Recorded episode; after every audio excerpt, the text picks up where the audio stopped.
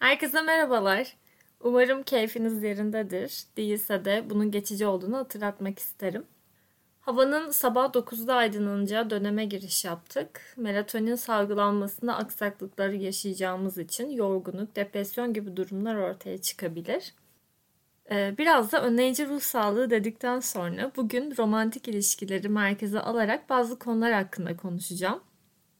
Instagram'da bir anket yaptım geçenlerde ve romantik ilişkilerinize ilk adımı atar mısınız diye sordum. Genel bir soru sormayı tercih ettim. Yani bu hem ilk seni seviyorum, senden hoşlanıyorum demeyi kapsıyor hem de bir tartışma sonrası etkileşimi kimin başlattığını. Ankete katılım kadar mesaj da olduğu için e, ben istediğim veriyi almış oldum. Yoğun bir katılım oldu. E, herkese tekrar çok teşekkür ediyorum. Herkesin deneyimi çok farklı olduğu için seviyorum bu konuyla ilgili konuşmayı. Ee, anket sonucunda da büyük bir çoğunluk ilk adımı atarım dedi. Adım atarıma oy verenler aynı zamanda mesaj atan kişilerdi ve e, bazıları olumsuz yaşantılar deneyimlediklerini paylaştılar. Paylaşımlar için de teşekkür ediyorum tekrar.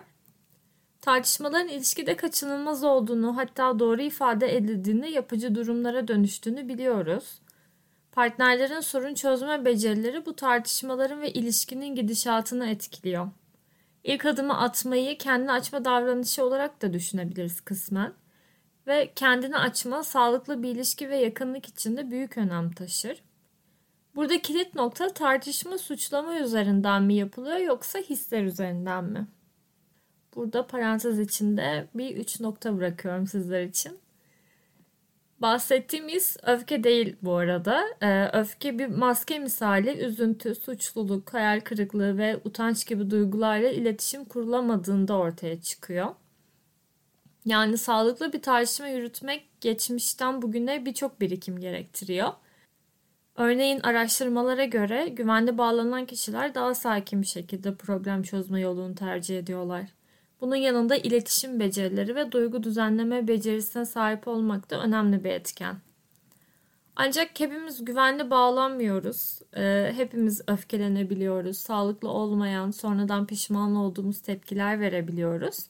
Böyle bir durumda ilk adımı atmanın ne gibi dinamikleri oluyor? Bunlardan bahsetmek istiyorum.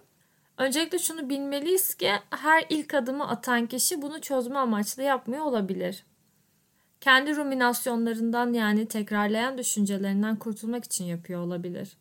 Adım atan kişi problemi teğet geçerek özür diliyor ve hislerinden bahsetmiyorsa bu da bir üstün örtme biçimi olarak e, karşımıza çıkıyor. Odağımız hisler kısacası. Partnerinizin hissini tahmin etmeden, yok saymadan kendi hissinize odaklanarak sakin bir şekilde konuşmak en sağlıklısı.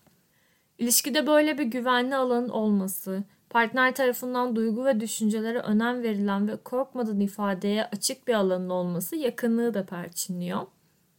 Adım atma da karşı tarafın kendini açması da kısa sürede olmayabiliyor tabii ki.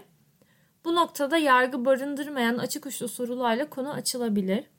Belki yazılı ifadeye başvurulabilir ben hem romantik ilişkilerimde hem de arkadaşlık ilişkilerimde mektup yazmaya, uzun mesaj atmaya bayılırım mesela. Kendimi daha net ifade ettiğimi düşünüyorum. Üzüldüğümde de mutlu olduğumda da koca koca paragraflar yazabiliyorum. Ama sözlü iletişimi tercih ediyorsanız da şu an neye ihtiyacın var sorusu bence çok güzel bir soru. Partnerler neye ihtiyaçları olduğunu fark ederse talep de edebilirler ve bu taleplerine karşılık bulabilirler. Davranışın farkında olmak da önemli.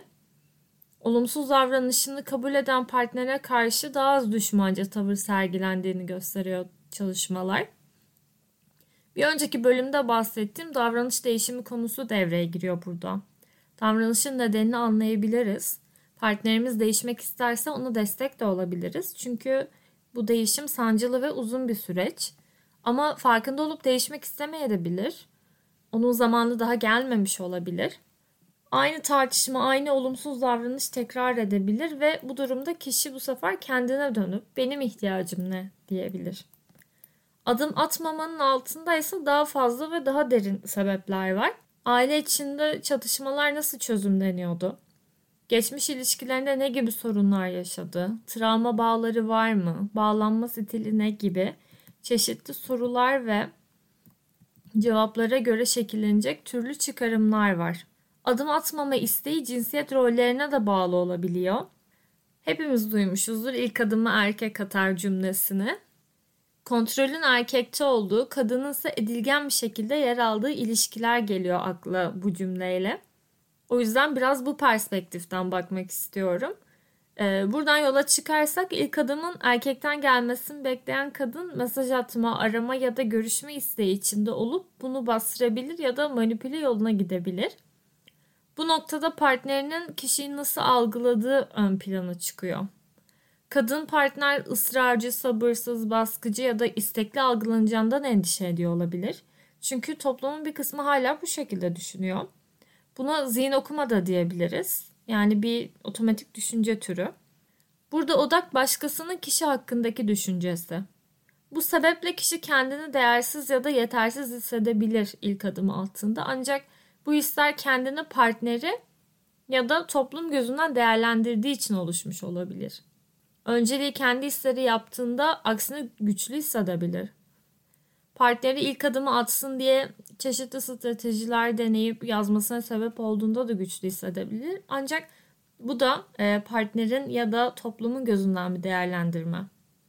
Teraziye koyduğunda belki de ilk adımı atsa daha az mesai harcayacaktı. E, burada da neye ihtiyacım var? Benim neye ihtiyacım var demek gerekebilir. E, karşımdaki kişinin sınırlarını yok saymayan bu isteğimi gerçekleştirmemin bana yararı ne, zararı ne? İlk adımı atsam en kötü ne olabilir demek e, yardımcı olabilecek bazı sorular. Tüm bunlar sınırlar çerçevesinde olmalı elbette. E, her istek partnerler tarafından karşılanmayabilir ya da anında yanıt bulmayabilir. E, bunda akılda tutmakta fayda var. Tartışma anlarında iletişim kurmak kolay olmayabilir. sonucunda reddedilme, yeni bir tartışma yaşamı, çabaya karşılık bulamama var. Bunlar da kişide birçok hisse karşılık gelebilir. Hatta belki travmaya karşılık gelebilir.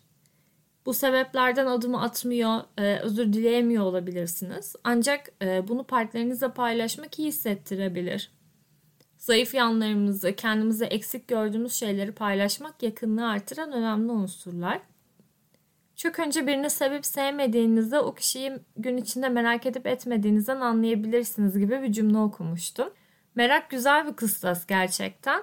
Ben de başka bir kıstas ekleyip gün içinde yaşadığınız bir şeyi paylaşma isteği demek istiyorum. Mutlu eden, üzen e, ya da öfkelendiren bir şey paylaşmak geliyor mu? Bir şarkıda, bir filmde kesin bunu sever diye e, içinizden geçiyor mu ve bunu paylaşıyor musunuz? Bunlar günü güzelleştiren tatlı detayları olduğu gibi yakınlığı da arttıran bir şey. Romantik ilişki konusu çok konuşulsa da dinamikler herkes için farklı. Ee, bunu unutmamak gerekiyor. Konular genelde siyah ve beyaz değil. Bir ilişkinin başlamasının da bitiminin de onlarca sebebi olabilir. Ee, bu ihtimaller üzerinden süreci değerlendirmek yorucu olacağı için elimizdeki sonuçla ilerlemek önceliğimiz tabii ki. Ee, geçen gün Yandım Ayşem türküsünü paylaşmıştım e, ruh sağlığı alanından olduğunu tahmin ettiğim Ayşe Hanım'a biri gelip diyor ki e, sevdiğimi getirin. E, yani bu kişiyle ayrılığınız çeşitli sebeplerden dolayı olabilir ama üzgünüm e, sevdiğiniz ancak kendi isteğiyle gelebilir. Siz de bu ihtimalle yaşayamazsınız.